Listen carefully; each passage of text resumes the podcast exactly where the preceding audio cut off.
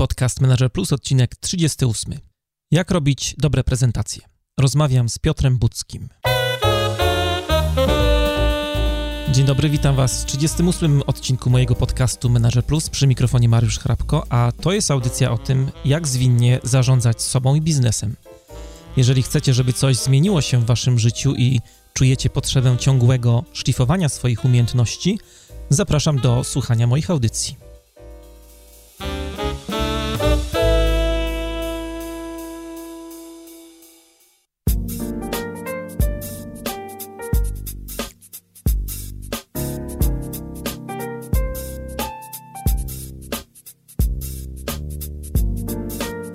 Kiedy wychodzę z większości prezentacji na konferencjach, spotkaniach, wykładach, to najczęściej krwawią mi oczy. Napisał na swoim blogu Piotr Bucki, który jest gościem dzisiejszej audycji. No myślę, że nie tylko jemu krwawią oczy, myślę, że wielu z Was ma podobne doświadczenia. Wystarczy przejść się na pierwszą, lepszą branżową konferencję, żeby przekonać się o tym na własnej skórze. Prelegenci w wielu wypadkach są słabo przygotowani, czytają slajdy, zamiast mówić do ludzi, gapią się w ekran. E, a slajdy są bardzo często ociekające tekstem. E, w slajdach pojawiają się czcionki, które są albo nieczytelne, albo w ogóle nie powinny ujrzeć światła dziennego. E, pojawiają się zdjęcia, które są mocno ograne, sztampowe. No, lista tych grzechów jest długa, a dzieje się tak po części dlatego, że wiele osób tak naprawdę nie zwraca uwagi na formę tego, co pokazuje i nie ma też świadomości, że do zrobienia naprawdę fajnych slajdów wcale nie potrzeba aż tak wiele. Nie potrzeba być żadnym zawodowym grafikiem, specem, żeby móc to robić. Wystarczy chcieć i trzymać się kilku prostych zasad. I właśnie o tych zasadach będziemy dzisiaj rozmawiać. A zanim przejdziemy do rozmowy, mam dla Was jeszcze kilka ogłoszeń z cyklu parafialnych. Zacznijmy może od nowości na blogu. Dla wszystkich fanów Scrama przygotowałem trzyczęściowy mini poradnik, w którym krok po kroku omawiam dwie najbardziej popularne metody planowania sprintów w Scrumie i podpowiadam też, którą z nich wybrać. Jeżeli chcecie być na bieżąco z tym materiałem i wielu innymi, zapraszam na facebook.com kośnik Mariusz Hrabko albo na mojego bloga mariuszchrapko.com. Mm, a jeżeli podobał Wam się podcast, mam dla Was wielką prośbę, jak zwykle zresztą, we wpisie do audycji zamieściłem link do podcastu Manager Plus w iTunes, gdzie Możecie zostawić swoją sympatyczną ocenę w formie gwiazdek lub krótkiej recenzji. Wystawienie takiej notki zajmuje nie więcej niż 30 sekund, a dzięki temu podcast Manager Plus będzie bardziej widoczny w wyszukiwarce iTunes. Przy okazji pozdrawiam Freudka, któremu dziękuję za recenzję, którą wystawił właśnie w iTunesie. Freudek napisał, że podcast jest mocno edukacyjny. No bardzo się cieszę, że to zauważacie, bo od samego początku, kiedy zdecydowałem się na nagrywanie tego podcastu, to to był mój główny cel, żeby edukować i cały czas dostarczać wartość. Na tym mi bardzo zależy. Tak wybieram tematy, żebyście mogli czerpać pełnymi garściami z tego, o czym tutaj mówimy. A jeżeli chcielibyście, żeby w podcaście pojawił się jakiś konkretny gość albo temat, mm, który chcielibyście usłyszeć, to koniecznie napiszcie do mnie maila. Wystarczy użyć do tego formularz kontaktowy z mojej strony i reszta już zadzieje się sama. A teraz poradnikowo.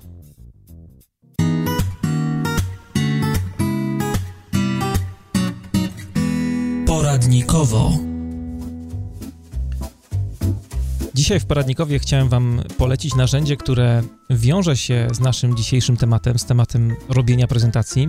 Narzędzie, które pomoże Wam lepiej komunikować swoje pomysły klientom, członkom zespołów projektowych, no i opowiadać niezwykłe historie, ale w wersji cyfrowej. Adobe Spark, bo o tym narzędziu mowa, to darmowa aplikacja, za pomocą której bez żadnej fachowej wiedzy możecie stworzyć naprawdę świetne wideo prezentacje, które uatrakcyjnią wasz przekaz. Jak działa Adobe Spark? Najpierw wybieracie sobie odpowiedni szablon waszej historii, którą chcecie opowiedzieć. Może to być na przykład promocja jakiegoś pomysłu, produktu, historia, która kiedyś Wam się przytrafiła, o której chcecie opowiedzieć. Możecie też e, skorzystać z szablonów edukacyjnych, a także takich, dzięki którym będziecie mogli e, zaprosić kogoś na jakieś wydarzenie, które na przykład sami organizujecie. Jeżeli macie już wybrany odpowiedni szablon, to Adobe Spark krok po kroku pomoże Wam opowiedzieć Waszą historię i sprawić, żeby wyglądała naprawdę świetnie. Mogą Wam w tym pomóc gotowe ikony, zdjęcia, no a także wysokiej jakości animacje. I do każdego fragmentu prezentacji możecie też dograć swój własny głos, a także podłożyć profesjonalną ścieżkę dźwiękową. Jest e, kilkanaście różnych plików audio, które możecie wykorzystać. Podobnie jest z ikonami, jest dostępny bank ikon, e, który może uatrakcyjnić waszą prezentację.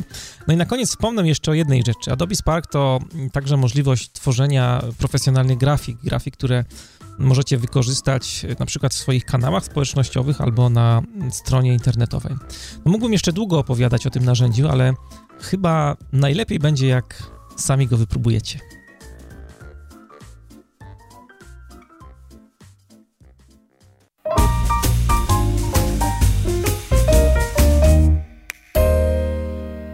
Rozmowa.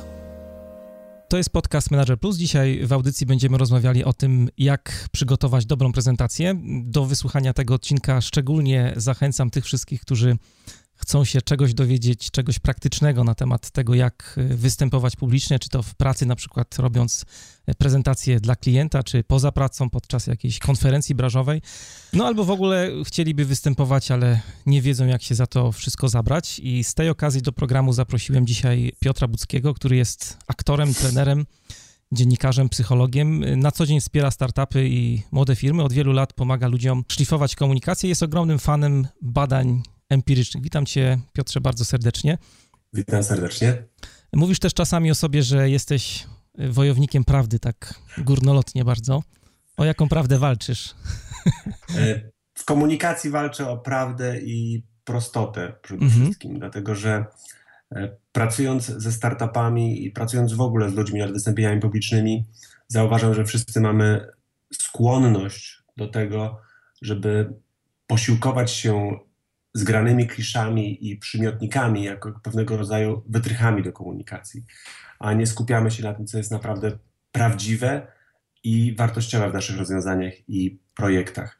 E, jestem wojownikiem prawdy, chociaż oczywiście wiem, że prawda ma różne oblicza i jako osoba, która zajmuje się też psychologią, doskonale wiem, że prawda również ulega wielu zniekształceniom poznawczym, ale myślę, że Najważniejsza jest taka radykalna szczerość wobec e, siebie, wobec swojego projektu biznesowego i wobec słuchacza, czyli zero ściemnienia w komunikacji. Mhm. Ty masz bardzo ciekawy życiorys i chciałem zapytać o taką jedną rzecz. Byłeś związany z teatrem muzycznym w Gdyni, występowałeś także w teatrze miejskim. Dlaczego w ogóle zdecydowałeś się, żeby zostawić aktorstwo, taki piękny zawód? No to skoro jestem wojownikiem prawdy, to powiem prawdę, bo byłem dosyć kiepskim aktorem. Powiem tak. E, to było marzenie, które się spełniło, ale które się nie spełniło w takim stopniu, jak chciałem. Natomiast ja na każdy etap w swoim życiu patrzę jak na zasoby, z których mogę czerpać. Akurat praca w teatrze bardzo mi pomogła, jeśli chodzi o wystąpienia publiczne i jeśli chodzi o pokorę wobec prób. Dlatego, że za każdym razem, kiedy pracuję z ludźmi nad wystąpieniami publicznymi, nad prezentacjami, nad e, jakimikolwiek innymi formami prezentacji, to zdaję sobie sprawę, że ludzie za mało czasu poświęcają na przygotowanie, a potem też na próbowanie. W teatrze, zanim wyjdzie się na scenę podczas premierowego spektaklu, mijają trzy miesiące prób, podczas których się ciężko pracuje i wałkuje się ten materiał. E, dlatego jak się ma do wykonania naprawdę ważną prezentację, to trzeba po prostu zdać sobie sprawę i poświęcić czas na to, żeby mhm. ją dobrze przygotować, ale potem też dobrze przepróbować. Dlatego ten mój życiorys jest rzeczywiście dziwny, e, ale no z każdego, ciekawy bym powiedział.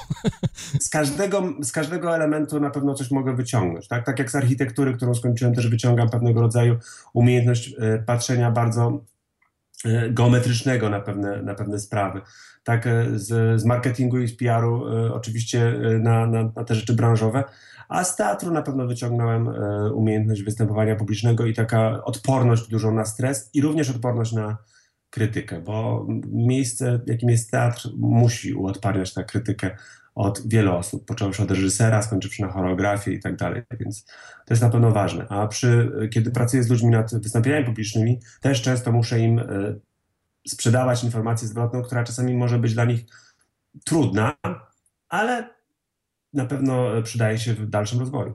A ile lat już występujesz na scenie? Jaki masz swój przebieg jako mówca?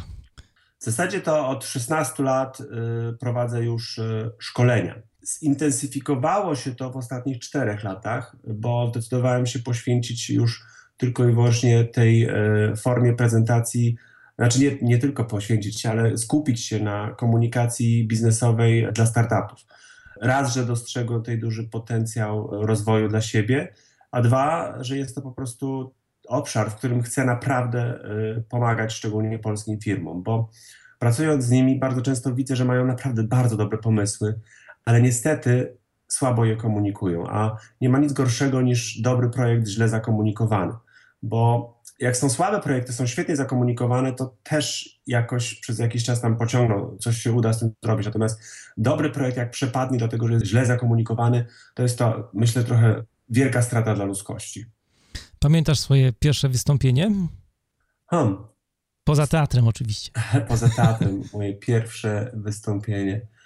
Tak, to byłoby chyba jedno z pierwszych szkoleń, które przeprowadziłem i to było szkolenie dla wójtów i sołtysów e, z lidera i przywództwa. To było po prostu, tak wydaje mi się, że to było jedno z tych pierwszych wystąpień. Wojna światów szkoleń. trochę.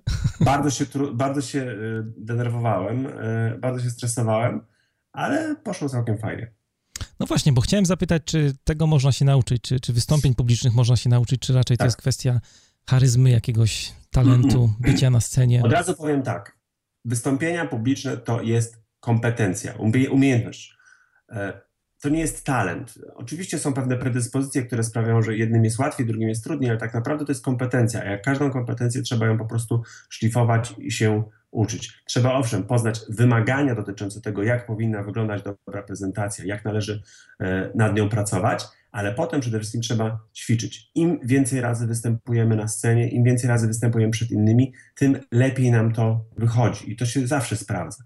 Natomiast jeżeli będziemy non-stop unikali tej konfrontacji, no to będzie nam potem tym gorzej. Carnegie Institute of Technology podaje, że 85% naszych sukcesów zawodowych zależy od tego, w jaki sposób negocjujemy, e, komunikujemy i budujemy relacje. To są kompetencje miękkie, ale kompetencje miękkie też można szlifować, bo je trzeba po prostu wspierać ciągłą praktyką. Także ja na pewno e, zdaję sobie sprawę, że niektórzy ludzie mniej chętnie lub bardziej chętnie podchodzą do sprawy wystąpień publicznych, ale zauważam też, że każda osoba, nawet najmniej przekonana do swoich talentów, w czasie, w którym często ćwiczy, wychodzi jej to o wiele lepiej.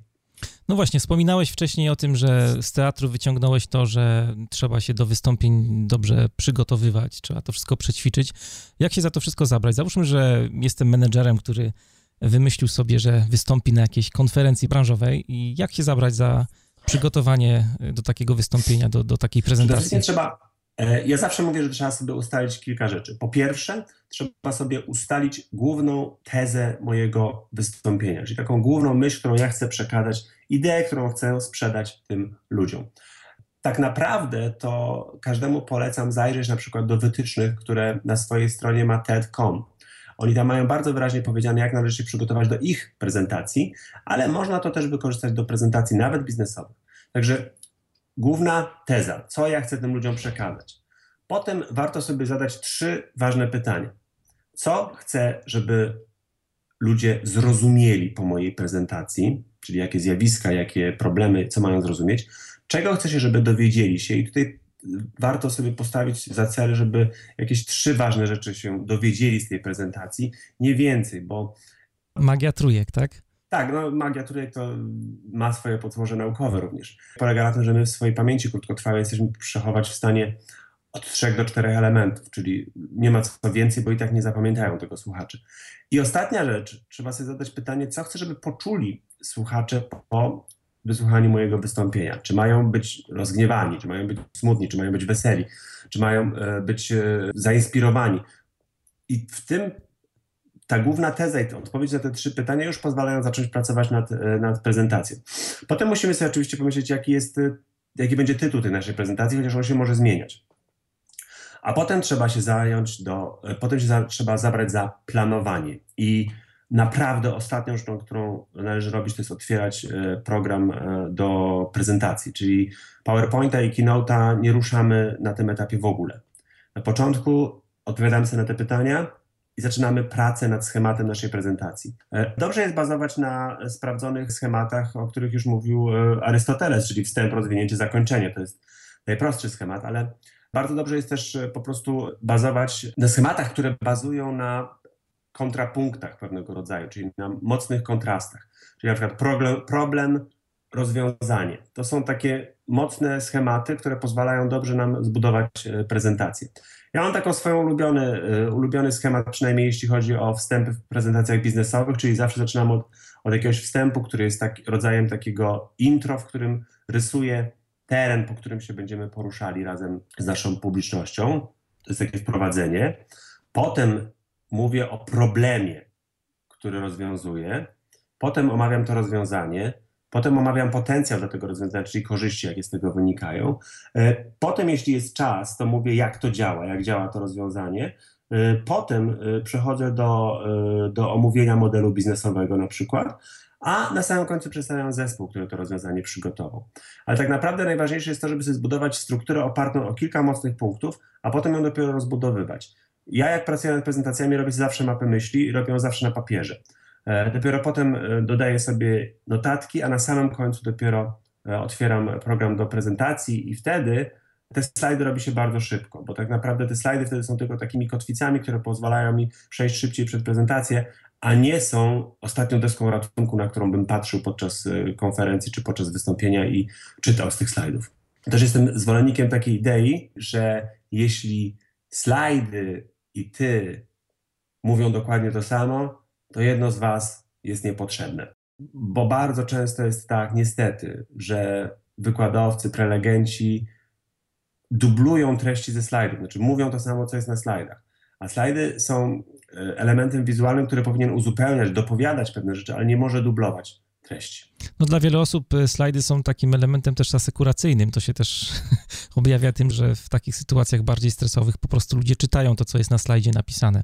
No właśnie, tylko że wtedy jest e, bardzo słaby odbiór, a poza tym, jak pokazują badania, e, to osłabia naszą komunikację aż o 27% mniej więcej, jakby skuteczność tej komunikacji. Tak naprawdę podczas dobrej prezentacji wszyscy powinni być skupieni na prezenterze, a slajd powinien być pewnego rodzaju fajnym, atrakcyjnym dodatkiem. Poza tym trzeba być zawsze przygotowany na sytuację, w której na przykład slajdy się rozlecą albo rzutnik się zepsuje, a my musimy i tak prezentować. Więc e, no tutaj e, kwestia jest taka, jeżeli wiemy, co chcemy powiedzieć, to powiemy, uda nam się bez prezentacji. Natomiast jeżeli nie wiemy i błądzimy, to, to będziemy mieli kłopot.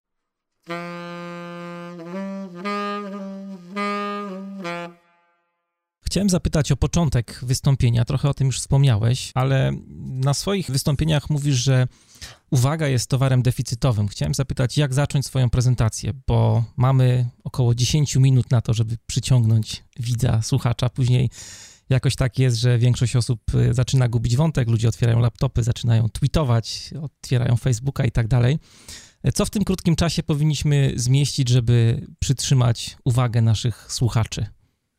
Przede wszystkim skupić się na tym, jak rozpoczniemy. Jeżeli rozpoczniemy schematycznie i sztampowo, to ludzie nie będą słuchali, bo wiedzą, co będzie dalej. Mhm. Jeżeli więc rozpoczniemy, chciałbym Państwa serdecznie powitać na moim wystąpieniu, podczas którego omówione zostaną bla, bla, bla. Koniec. Już ludzie nie słuchają, bo jakby spodziewają się tego. Natomiast jeżeli rozpoczniemy od jakiegoś jednego mocnego stwierdzenia, zdania, które zaintryguje, które jest proste, ale intrygujące, to wtedy mamy już skupioną uwagę na wejście. Obojętnie też, co by się nie działo, te pierwsze kilka zdań musimy mieć wryte na pamięć, żeby zrobić dobre wrażenie na samym początku. Potem już naprawdę pójdzie o wiele łatwiej, ale ten wstęp musi być opracowany idealnie. Można zacząć od mocnego cytatu, można zacząć od mocnych statystyk, można zacząć od fajnego story, od fajnej opowieści, która będzie budowała kontekstowo treść, e, która jakby wprowadzi dalszą treść prezentacji. Możemy zacząć od nawet mocnego obrazu czy wideo krótkiego, ale wszystko w służbie skupienia uwagi. Im bardziej naładowany emocjonalnie przekaz, im bardziej intrygujący, im bardziej uderzający w taką potrzebę mózgu odkrzywania czegoś nowego, tym lepiej. Ale zawsze trzeba też dbać przy prezentacji, zresztą nie tylko na wstępie, o tak zwaną łatwość poznawczą. Łatwość poznawczą, czyli taki stan, w którym nasz mózg nie musi zbytnio wytężać zasobów poznawczych, żeby rozumieć, co się do niego mówi. Kiedy ludzie zbyt utrudniają komunikację, to automatycznie spada poziom uwagi u drugiej strony. A jak jest z przedstawianiem się? Bo też y, na konferencjach bardzo często widzimy, jak wychodzi ekspert, no i przez pierwsze pięć minut opowiada o tym, jakie ma doświadczenie, w ilu firmach pracował, ilu projektów zrealizował.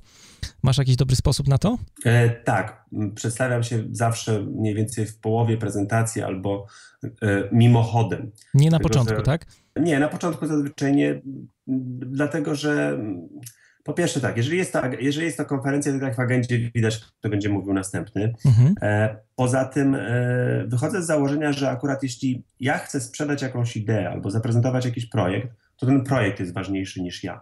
Moja wiarygodność buduje się poprzez czyny i działania, nie poprzez to, że ja będę o sobie mówił. Mam oczywiście taką swoją biznesową wizytówkę werbalną, którą stosuję i którą każdy powinien sobie przygotować, ale niekoniecznie mówić o na samym początku.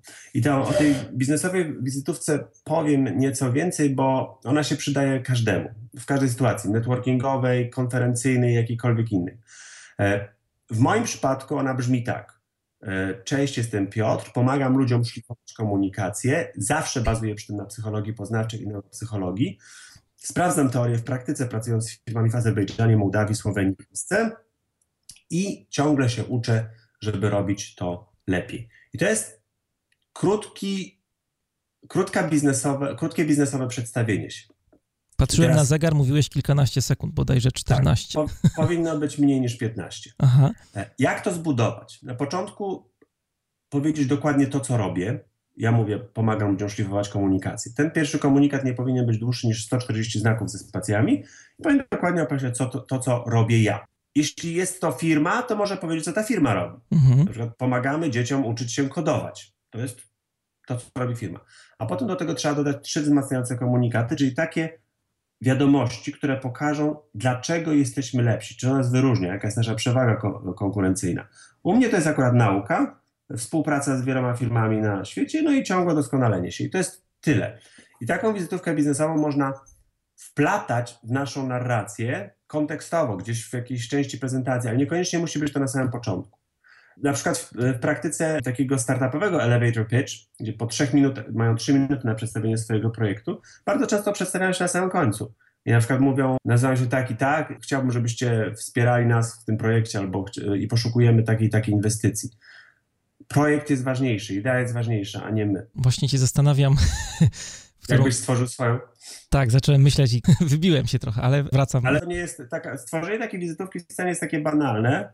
E, to jest ciężka praca, zwłaszcza żeby zrobić to naprawdę prosto, ale potem też trzeba to testować, czyli na wszystkich możliwych e, frontach sprawdzać, jak to działa. Tak, bo to musi być też w miarę naturalne i zwinne, tak jak o tym mówisz. To nie może być takie tak. też sztuczne i wyuczone. Nie, nie, to musi być, to musi być proste e, i musi być też oczywiście ja uważam, że w prezentacji najważniejsze jest to, żeby druga strona odczytała to, co my chcemy przekazać. Co oznacza, że szczególnie przed dużymi, ważnymi prezentacjami warto poprosić znajomych rodzinę, żeby usiedli i posłuchali nas, a potem zapytać ich, co z tego zrozumieli, co z tego wynieśli.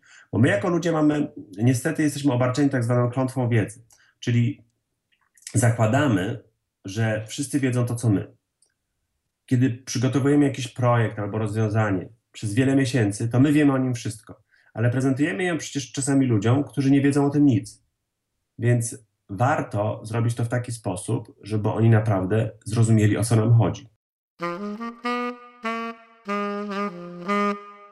A co zrobić, żeby dobrze sprzedać swój pomysł, taką ideę na scenie? Jak, jak komunikować swój przekaz, żeby to faktycznie było czytelne dla odbiorców, którzy są na sali? No, y, najlepiej zrobić to tak, żeby pokazać, że problem, że, że rozwiązujemy jakiś problem i że ten problem jest na tyle dojmujący, że to rozwiązanie może być ciekawe.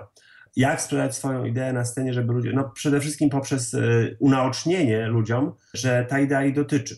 I y, robi to świetnie wiele osób, chociażby podając przykłady czy studia przypadków, które mogą dotyczyć ludzi, którzy nas słuchają. Tego typu zabiegi zawsze się sprawdzają pod warunkiem, że oczywiście mamy na tyle rozpoznaną publiczność, że wiemy, jak przedstawić im dane elementy, żeby je w jakiś sposób e, przyjęli do siebie i uznali, że to ich także dotyczy. Ja widziałem kilka Twoich prezentacji. To, co mi się bardzo podobało, to jest po pierwsze to, że wykorzystujesz dużo fajnych przykładów naukowych. Zresztą no, mówisz samo sobie, że jesteś fanem empirii, wszystko sprawdzasz w praktyce. E, ale fajne jest też to, że podajesz gdzieś, przeplatasz e, w treści swojej prezentacji takie mhm. elementy, które bardzo sprawnie i też skutecznie budują Twoją wiarygodność. Jak na przykład e, no, utkwiło mi gdzieś tam w głowie, że podałeś ile tysięcy godzin szkoleniowych czy wystąpień publicznych masz już za sobą. Albo gdzieś tak. też umiejętnie wplatasz dane, tych danych też nie jest za dużo w twojej prezentacji, bo niektóre prezentacje, tak jak no każdy z nas ogląda prezentacje konferencyjne, to widzimy czasami slajdy z góry na dół oblane różnymi statystykami, raportami. No u ciebie jest to tak bardzo sprawnie podane, żeby nie powiedzieć tak lamersko jak u Steve'a Jobsa trochę, on też fajnie mhm. liczby pokazywał. Ja myślę, że tak, no, powiem tak, to wplatanie pewnych e, informacji o sobie jest oczywiście zabiegiem celowym. Tak samo jak zabiegiem celowym jest często odnoszenie się w moich prezentacjach do publiczności e, i nawet czasami obśmiewanie samego siebie.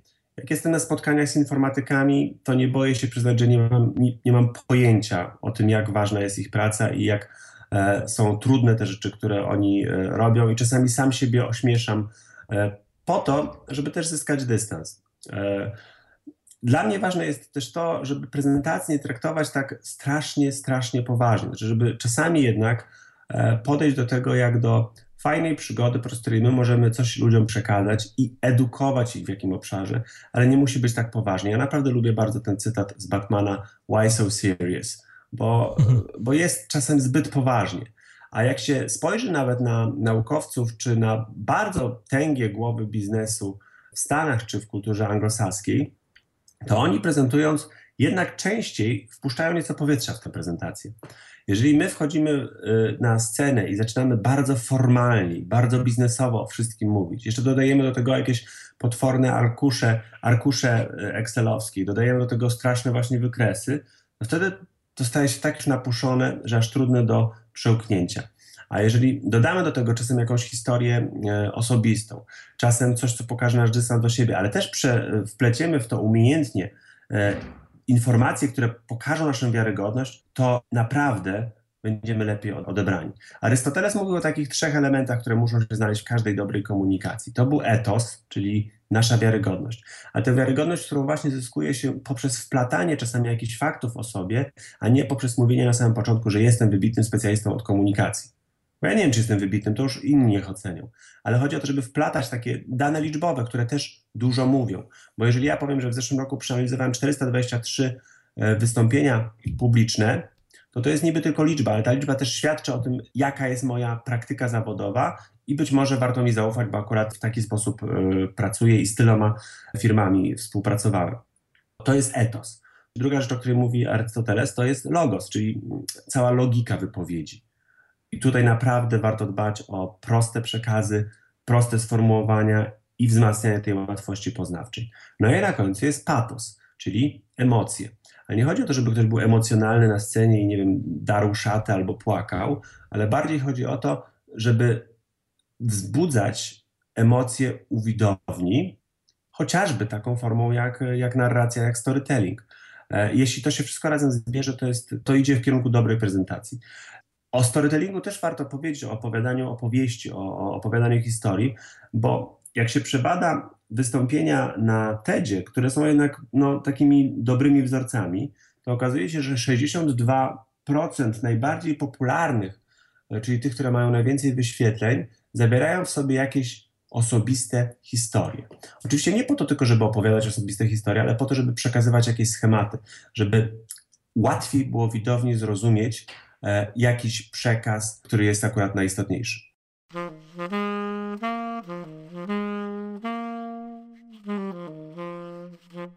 A co ze stresem na scenie? Stres jest super. Przede wszystkim. E, stres pokazuje nam, że coś, co jest nam drogie, jest zagrożone. I to dobrze, bo wskazuje nam rzeczy, na którym nam zależy. Nikt nigdy się jeszcze nie stresował czymś, na czym mu nie zależało. Mhm. Czyli jeśli nam na czymś zależy, to się stresujemy. Czyli to jest pierwsza rzecz, która sprawia, że stres jest świetny.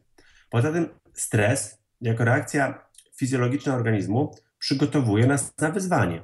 Więc należy patrzeć na stres jako na sprzymierzeńca, bo to, że mi przed każdym wystąpieniem, a zapewniam, że mnie również, mimo że robię to już od lat, bije mocniej serce albo mam szybszy oddech, to tylko mnie przygotowuje do tego, żeby lepiej wypaść. I naprawdę, im częściej myślimy o stresie w ten sposób, tym nam jest łatwiej. Mówią o tym chociażby badania Kelly McGonigal, która pokazuje, że nie stres jest sam wrogiem, tylko myślenie, że stres jest wrogiem, może być dla nas groźne. No a dodatkowo jeszcze e, warto pamiętać o tym, że nasz mózg steruje naszym ciałem, ale odbiera też sygnały z ciała. I tutaj z kolei świetna lekcja od Amy Cuddy, czyli też badaczki, psycholog, i, e, która zajmuje się neurofizjologią w mózgu. Ona udowodniła, że jeśli od 2 do 5 minut będziemy stali w tak zwanych pozycjach power posing, e, to znacząco zredukujemy nasz poziom kortyzolu i wzrośnie znacznie nasz poziom testosteronu. E, I w tej sytuacji taki balans chemiczny w mózgu sprawia, że czujemy przypływ odwagi. I teraz to są te pozycje power posing. To są przede wszystkim wszystkie mocne, otwarte pozycje, w których stoimy mocno na, dwo, na dwóch nogach, e, w których stoimy w bardzo otwartej pozycji, takiej jak do no nie wiem, tak jak media nazywały tę pozycję Wonder Woman, czyli takie bardzo proste, mocne stany. Piotr Kraśko tak samo należy też siedzieć przed wystąpieniem. I chodzi o to, żeby sobie zrobić takie ćwiczenie, żeby 2 do 5 minut przed każdym wystąpieniem dokładnie w taki sposób się przygotowywać. I też pamiętać o tym, że stres naprawdę jest naszym sprzymierzeńcem, a nie wrogiem. On nam pomaga.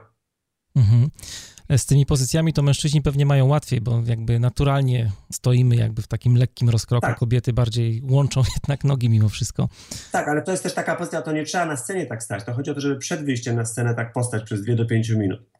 My jako ludzie bardzo często, kiedy jesteśmy zestresowani, jednak mamy, przyjmujemy zam, zamknięte pozycje i nasz mózg wtedy mm, jakby kontroluje to. To chodzi o to, żeby w drugą stronę, żeby odwrócić, przekonać mózg, że nie jesteśmy zestresowani.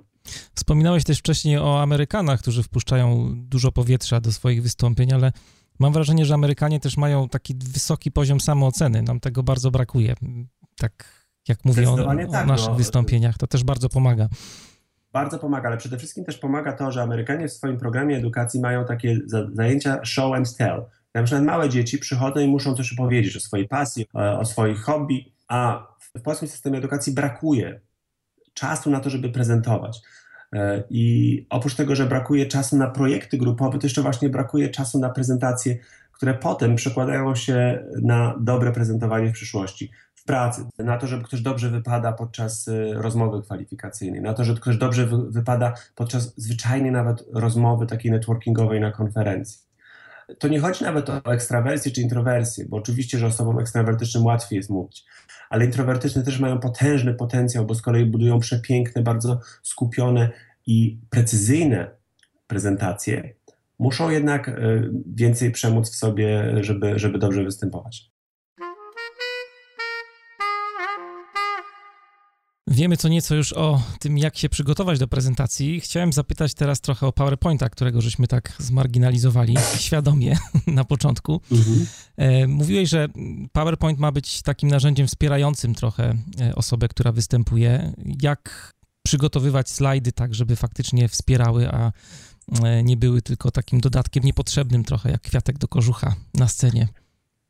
Po tym, jak już ustalimy sobie dokładną treść naszej prezentacji, możemy zabrać się do przygotowania slajdów. I wtedy warto zrobić sobie taką, wyznaczyć sobie taką zasadę: jeden slajd, jedna idea. I żeby ten slajd dotykał jakiegoś jednego wątku.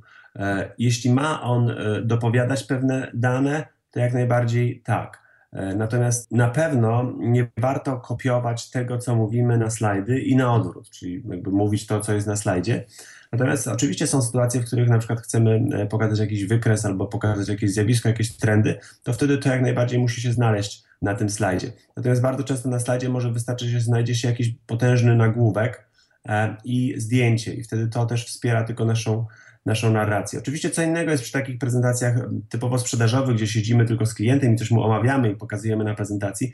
Wtedy takie prezentacje mogą być oczywiście bogatsze, bo wtedy my omawiamy to, co jest na slajdzie. Natomiast taka prezentacja konferencyjna to tak naprawdę powinna być taka przyjemna ścieżka wizualna do tego, co my mówimy. ona może być jakimś komentarzem.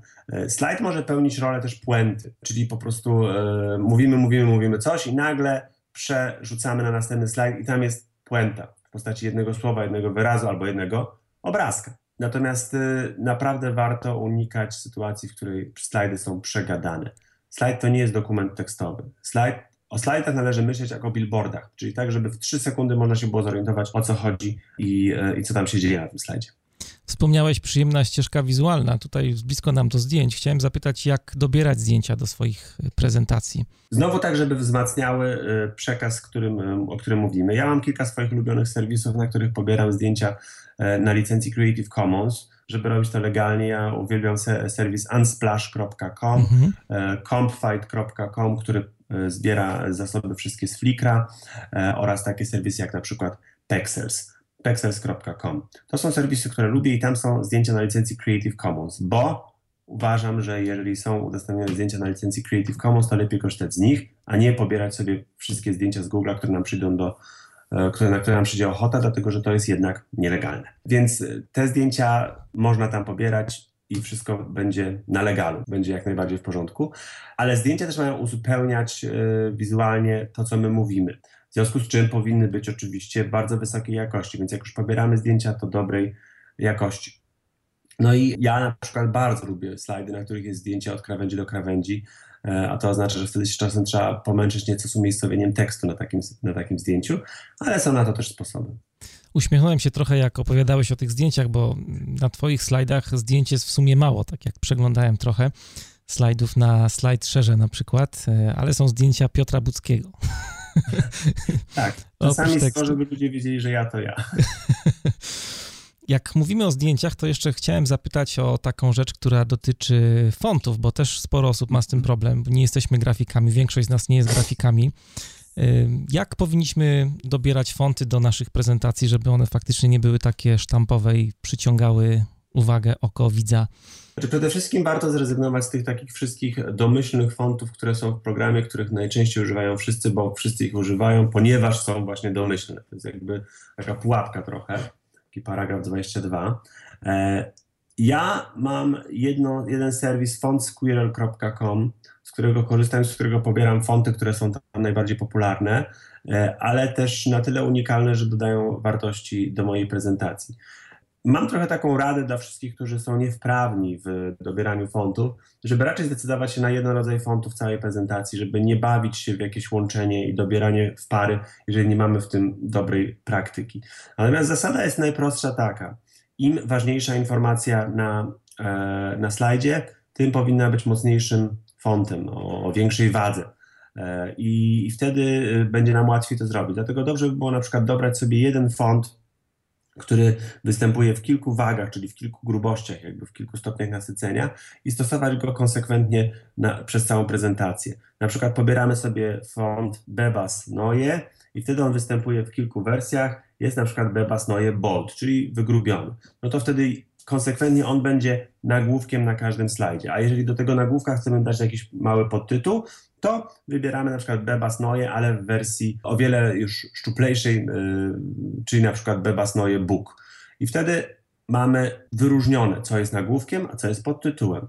Jeżeli z kolei chcemy się rzeczywiście pobawić yy, w łączenie dwóch fontów, no to wtedy zawsze kierować się zasadą kontrastu, czyli na przykład yy, bardzo masywny z delikatnym szeryfowy z bezszeryfowym, ale warto też sprawdzać sobie chociażby na stronie Font Squirrel, jakie fonty łączyć ze sobą. Jest zresztą w sieci mnóstwo aplikacji, które pozwalają na określenie, które fonty do siebie pasują.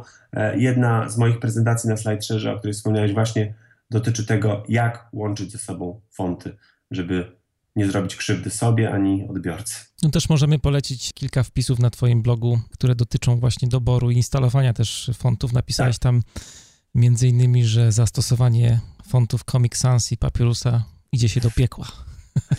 Trochę tak, chociaż rzeczywiście no, ostatnio znowu miałem taką dyskusję, ponieważ okazało się, że Smyk, e, firma e, na swojej stronie ma font Comic Sans mhm. I ktoś zarzucił, że to jest tylko kwestia, że branża tylko strasznie się, strasznie nienawidzi tego fontu. Ja uważam, że to jest kwestia po prostu takiej edukacji estetycznej to nie jest dobry font i to nie chodzi o to, czy ktoś jest grafikiem, czy nie jest grafikiem. Ja też nie jestem grafikiem, ale pewne rzeczy trzeba po prostu przetrawić i po prostu uznać, że tak jak są fonty, które są dobre, tak są też niestety fonty, które są brzydkie. E, I to jest font, który może ma jakieś uzasadnienie, nie wiem, e, w zaproszeniu na Kinderball, na przyjęcie urodzinowe dla dziecka albo w gazetce parafialnej, ale ten font nie ma uzasadnienia na prezentacji. No chyba, że ktoś robi celowo brzydką prezentację i robi to dla śmiechu, dla jaj, to wtedy oczywiście tak jak najbardziej, tylko trzeba umieć taki żart ograć. Natomiast są fonty Comic Sans i Papyrus, które są po prostu nie do przyjęcia na prezentacji. Tak samo jak nie do przyjęcia na prezentacji są brzydkie, o niskiej rozdzielczości zdjęcia, e, niedokładność, e, kompozycja, która jest e, nieprzemyślana, e, taka kompozycja, która nie jest ani symetryczna, ani asymetryczna, czyli taka trochę pomiędzy. E, brak konsekwencji w budowaniu slajdów, czyli nie mamy na przykład wszędzie tego samego nagłówka, e, nie umiejscowiamy elementów podobnie na slajdach. Należy pamiętać, że mózg przez cały czas przyzwyczaja się do pewnych schematów, więc jeżeli mu ułatwimy to i przez całą prezentację będziemy szli podobnym schematem, to będzie mu o wiele łatwiej i będzie czuł się naprawdę e, bezpiecznie. W jednej ze swoich prezentacji powiedziałeś, że taki przepis na udaną prezentację to jest stworzyć prostą narrację i opowiedzieć ją w angażujący sposób. Dokładnie tak. O co chodzi? Prosta narracja to jest po prostu taka, która e, w bardzo prosty sposób opisze to, co chcemy przekazać. Prosta narracja to jest taka, która wspiera łatwość poznawczą, a łatwość poznawczą wspierają utorowana idea, czyli taka idea, którą w jakiś sposób porusza się po schematach, które mózg odbiorcy już zna. Mhm.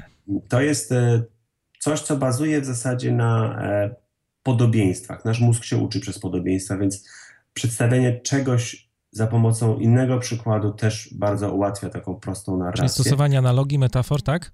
Analogie, metafory, mm, schematy, które ludzie znają, cytaty, a nawet też historie i opowieści, które dobrze, y, dobrze wyjaśniają pewne schematy. No, naprawdę opowieści dobrze sprzedają pewne idee, schematy, ludzie się uczą na podstawie opowieści i lepiej też zapamiętują.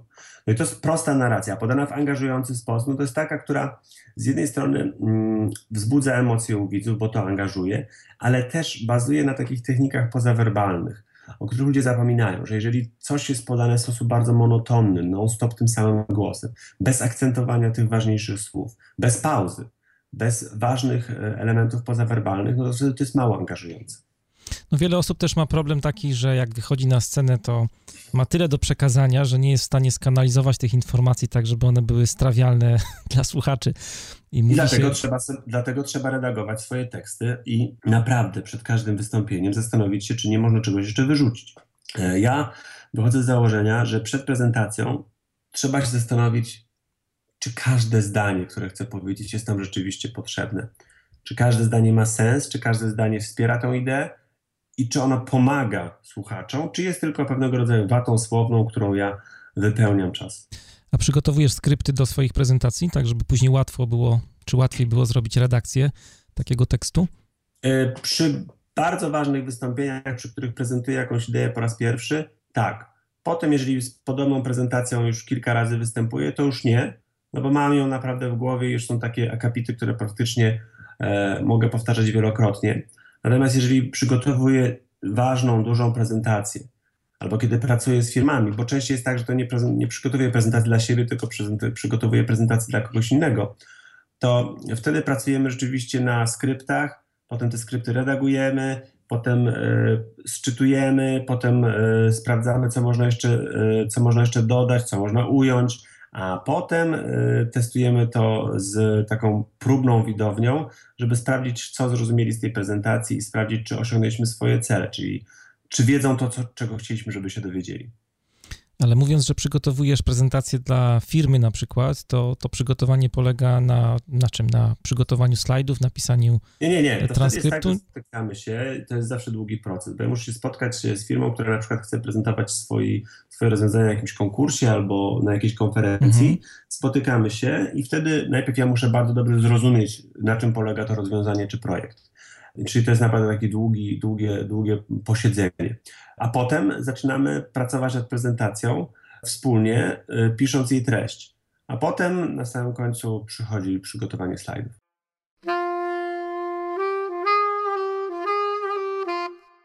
A jak może wyglądać ćwiczenie takie przed y, wystąpieniem? po prostu nagrywanie samego siebie na przykład na telefon. Mhm. E, I żeby potem tego odsłuchiwać i patrzeć, co się robiło dobrze, co się robiło źle. Dobre są też próby z publicznością, ale też ważne jest to, żeby szczególnie przy ważniejszych, e, ważniejszych wydarzeniach być na miejscu odpowiednio wcześniej i móc sobie przepróbować to na scenie docelowej, tak żeby naprawdę się oswoić z tym miejscem, w którym będziemy występowali. Kiedyś ktoś mi powiedział, że podczas takich ćwiczeń domowych bardzo przydaje się założenie opaski na oczy, bo wtedy e, ludzie, którzy mają problem na przykład z gestykulacją, jakoś przez e, zablokowanie tego zmysłu wzroku, łatwiej im się gestykuluje, są bardziej, bardziej otwarci. Oczywiście nie polecamy wychodzenia na scenę z opaską, ale... Mogłoby to być ciekawe. Na pewno jest tak, że u ludzi się uruchamia e, naturalna gestykulacja, kiedy czują się bardziej swobodnie. I ta naturalna gestykulacja czasem okazuje się być bardzo atrakcyjna, ale ktoś, kto nie jest przekonany do swojej kompetencji, będzie uważał, że nie potrafi tego robić i będzie bardzo skrępowany. A, więc ten sposób z opaską być może tak, natomiast najważniejsze jest to, żeby stopniowo, stopniowo przygotować sobie tę prezentację i tak już być pewny tego tekstu, że potem same się uruchomią gesty. Gesty mają podkreślać znowu pewne elementy z narracji, a nie mają być tylko sztucznym wymachiwaniem rękoma. A pamiętasz jakąś swoją największą wpadkę podczas e, wystąpienia? Było coś takiego w ogóle? E, tak, jedna techniczna wpadka to była podczas e, blackoutu, podczas UX Camp, gdzie miałem prezentację dotyczącą storytellingu i nagle był blackout. No to był, była wpadka techniczna, ale udało się doprowadzić prezentację do końca, mimo ciągle e, wysiadającego światła i napięcia. Potem już prowadziłem bez slajdów, bo i tak mi się nie chciało przełączyć co chwilę rzutnika. Także w bardzo kameralnej atmosferze po ciemku przeprowadziłem do końca prezentację, ale udało się. E, natomiast z takich wpadek, no myślę, że u, mnie, jeżeli powstają jakieś wpadki, przy których jestem naprawdę e, niezadowolony ze swojego wystąpienia. To są niezauważalne, to tak? Dla, dla słuchaczy pewnie. Szczerze mówiąc, też nie wiem. No, mówię, tak, tak jak wspomniałem, ja dzisiaj się y, bardzo słabo czuję, ale dzisiaj prowadziłem jedno szkolenie. Ja nie byłem zadowolony z jakości tego szkolenia. Myślałem, że mogłem poprowadzić je lepiej. Y, ci studenci, którzy byli na tym warsztacie, tego nie zauważyli. Natomiast to jest jakby kwestia tego, czy się potrafi sam coś ze sobą rozliczyć i powiedzieć, ok, dobra, jednak jak jestem y, chory czy zmęczony, to nie wypadam najlepiej. I to też trzeba mieć świadomość tego, że występowanie publiczne wymaga jednak dobrej formy y, fizycznej i psychicznej. Y, więc jeżeli te wpadki się pojawiają, to one są częściej wynikiem zmęczenia. W zasadzie to oprócz technicznych, takich, które się zawsze mogą zdarzyć, ale którym też można zapobiegać, chociażby będąc na miejscu pół godziny wcześniej, sprawdzając wszystko. To z takich wpadek, no może nie wiem, to częściej wpadki mi się zdarzają, kiedy, jestem, kiedy występuję jako konferencję. Na przykład, kiedy pomylę e, nazwisko, albo kiedyś tak zestresuję, zapowiadając ambasadora e, Stanów Zjednoczonych, że w końcu zapomnę, jak ma na nazwisko. Więc to są takie sytuacje raczej drobne, a nie jakieś zupełne, zupełne e, wpadki, nie wiem, merytoryczne na przykład. A mógłbyś wskazać jakieś najbardziej typowe błędy, które e, popełniamy przy e, prezentacjach, przy wystąpieniach publicznych? Dwie klątwy. Klątwa wiedzy, czyli ta, o której już wspomniałem. Zakładanie, że odbiorca wie to samo, co my. To jest jedna rzecz, który, błąd, który popełniamy wszyscy. Ja również czasami go popełniam. Kiedy używam sformułowań, których Wydaje mi się, że wszyscy je znają, albo przykładów wydaje mi się, że wszyscy je znają, a wcale tak nie jest. Więc trzeba naprawdę dobrze wzmocnić swoją empatię, żeby domyśleć się, czego ci ludzie mogą nie wiedzieć. I druga, druga klątwa, klątwa marketingowca. Mam nadzieję, że żadni marketingowcy się nie obrażą, ale chodzi o to, że to jest taka ślepa wiara w to, że piękne, okrągłe zdania i piękne frazesy e, sprawią, że nasza prezentacja będzie atrakcyjniejsza. To jest wiara w siłę przymiotników i całą resztę, czyli po prostu stosowanie takich sformułowań jak e, stworzyliśmy innowacyjne rozwiązanie w trosce o e, najwyższą jakość usług i dobro klienta. Są takie sformułowania, które nic nie znaczą, a które świetnie się układa i które co więcej ludziom przychodzą z łatwością, bo takich sformułowań w Eterze jest bardzo dużo. To, to są te takie dwie klątwy, które są naprawdę bardzo y, mocne. Potem jest jeszcze taka klątwa ja bym nazwał ją klątwa wersji reżyserskiej z dodatkami i komentarzami twórców. Czyli zamiast podać prostą, wyedytowaną wersję naszej prezentacji, to my dajemy po prostu wersję rozszerzoną z dodatkami, która trwa 6 godzin, w której dajemy nieustannie dygresję, w której dajemy jakieś opowieści, odpadamy w drugą stronę, w której już sami nie wiemy, o czym mówimy. Jeszcze na dodatek mówimy to okrągłymi, wielokrotnie złożonymi zdaniami. Wtedy robi się po prostu straszny galimatias. No i to były takie najbardziej formalne e, problemy, ale są też problemy przede wszystkim z tym, że ludzie nie poświęcają wystarczająco dużo czasu, żeby przygotować sobie prezentację. To jest jakby, jeżeli ktoś słyszy przygotuj prezentację, to tam siada na dzień przed, e, stuka jakieś slajdy i wychodzi myśląc, że coś tam powie. I rzeczywiście wtedy coś mówi, ale nie jest to nic wartościowego. No, taką klątwą jest z tego, co mówisz, też utożsamianie slajdów w ogóle z prezentacją. Tak, na pewno tak i to jest dobry wniosek, zapamiętam go. No to jest właśnie, to jest ta w języku polskim prezentacja i od razu się kojarzy, że to jest prezentacja, że to jest w PowerPoincie coś wykonane. Tak. To są slajdy, a prezentacją to jest nasze wystąpienie. To jest podcast Manager Plus. Dzisiaj moim i waszym gościem był Piotr Bucki, aktor, trener, dziennikarz i psycholog, który pomaga ludziom szlifować komunikację, jest zagorzałym empirystą. Piotrze, wielkie dzięki za rozmowę. Wielkie dzięki. E, a ja was zostawiam z zespołem Blue Canoe Records. Tym razem będzie bardzo jazzowo. Ja się nazywam Mariusz Hrabko. Trzymajcie się i do usłyszenia.